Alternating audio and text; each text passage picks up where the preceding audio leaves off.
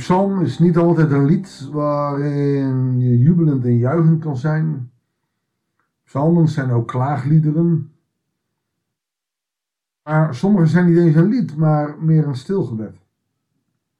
Van sommige psalmen weten we niet wie de schrijver is. Wat het voor psalm is, dat moeten we ontdekken. Theologisch zijn er mensen die dat proberen te ontdekken. Deze psalm die we vandaag gaan lezen, introduceert zichzelf. En dat is uniek voor een psalm. We gaan lezen Psalm 60. Ik hoop dat je met me mee gaat doen. Goeiedag, hartelijk welkom bij een nieuwe uitzending van het Bijbels Dagboek. Psalm 60. Voor de koorleider, dus het is toch wel een koorlied. Op de wijs van de lelie van het getuigenis, dat is een bestaande wijs. Een stil gebed van David ter lering. Spannend is het nu, dus het is wel een lied, maar een lied als stil gebed. Het is dus geen uitbundig lied. En wanneer is het geschreven? Toen hij vocht tegen de Arameërs uit Naharaim en Soba. En toen Joab op zijn terugtocht de Edomieten in de Zoutvallei versloeg. 12.000 man. Dat is uniek dat het bij een psalm staat. Meestal moet je dat eruit halen en blijft het theologische gok van welke tijd die is en wanneer en door wie. Dus heel duidelijk van David. Heel duidelijk wanneer het geschreven is. En uiteindelijk toch een lied, alleen wel een stilgebed. Nou ja, wat je daarmee bedoelen moet, weet ik ook niet. Wij gaan hem gewoon lezen.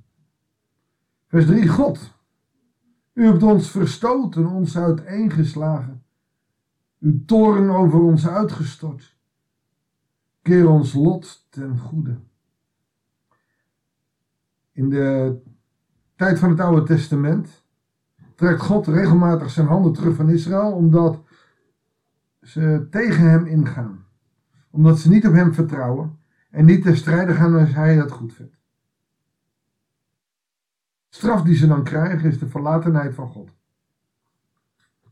Ik heb het al eens eerder gezegd en ik blijf dat indrukwekkend vinden hoe Paulus dat dan uiteindelijk in het Nieuwe Testament uh, weet te zeggen. Ehm, in 2 Timotheus 2, vers 11 tot en met 13. Als wij God verloochenen, verloochent Hij ons. Overigens zal Hij ons trouw blijven. Een spannend gedeelte die we al eens hebben behandeld.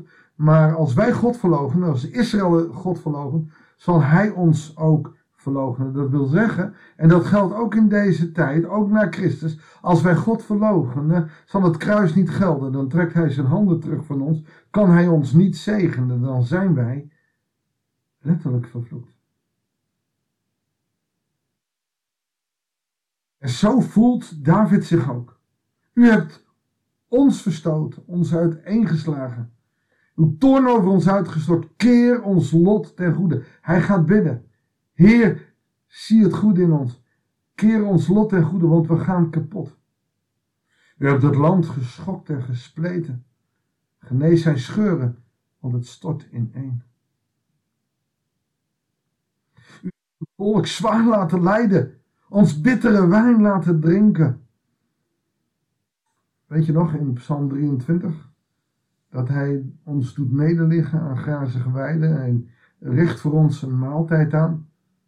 Hier zegt hij, ja, maar u heeft bittere wijn laten drinken. Zo bitter als gal, als Jezus aan het kruis.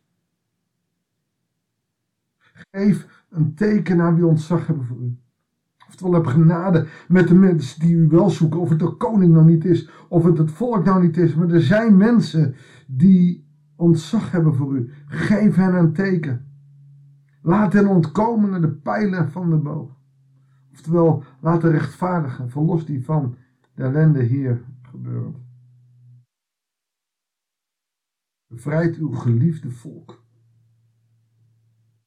Help het met uw machtige hand, verhoor ons. Het is een smeekgebed.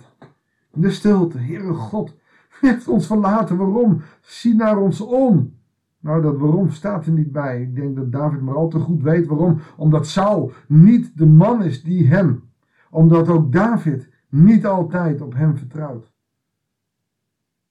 We moeten van God leren. En hij laat hier zien hoe belangrijk het is om ons te vertrouwen hebben in God. God heeft gesproken in zijn heiligdom. Juichend zal ik Sichem verdelen, het dal van Sukkot uitmeten. Van mij is Gilead en van mij is Manasse. Ephraim is de help, om, uh, help op mijn hoofd. Juda, de scepter in mijn hand. Dat zijn twee stammen van Israël. Moab, dat is mijn wasbekken. Daar was ik mijn handen in. Dat is een Moabitisch land. Op Edom, de Edomieten, zet ik mijn voet. Matthäus, de aarde is slechts een voetenbankje. Dat is een flinke voet, oftewel, hij, je zal eraan onderdoor gaan. En Filistea, juich mij toe. De Filistijnen zullen hem toejuichen. Als hij zijn grootheid laat zien. Als hij laat zien dat hij groter is dan heel de aarde. Dat de aarde slechts een voetenbankje is. Als iedereen zijn grootheid ziet. Maar ik vraag me dan af, en dat heb ik van de week ook al gezegd. Wie zijn grootheid nog? Wie heeft er nog ontzag voor God? Dan vraagt hij weer aan God, wie voert mij de vesting binnen? Wie zal mij naar Edom leiden? God, u die ons verstoten had, voert u niet God onze legers aan? Hier, hier zie je dus een kentering komen die hij als lering in het lied laat zetten. U zou het toch moeten zijn, God? U moet toch onze legers aanvoeren? Niet ik, niet onze koning, niet de legeraanvoerders. Nee, u bent het. U gaat vooruit, zoals in de woestijn, die wolkolom en die vuurkolom. U moet vooruit gaan. Maar ja, we hebben het weer aan onszelf te wijten.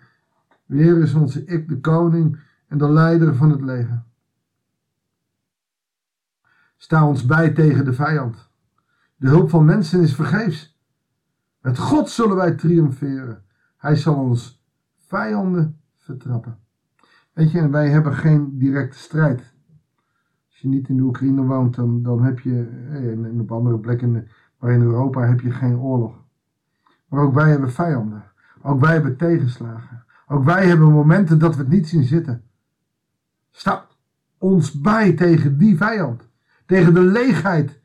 Tegen de vijandigheid. Tegen het kwaad van de duivel. Tegen het kwaad van onze medemensen.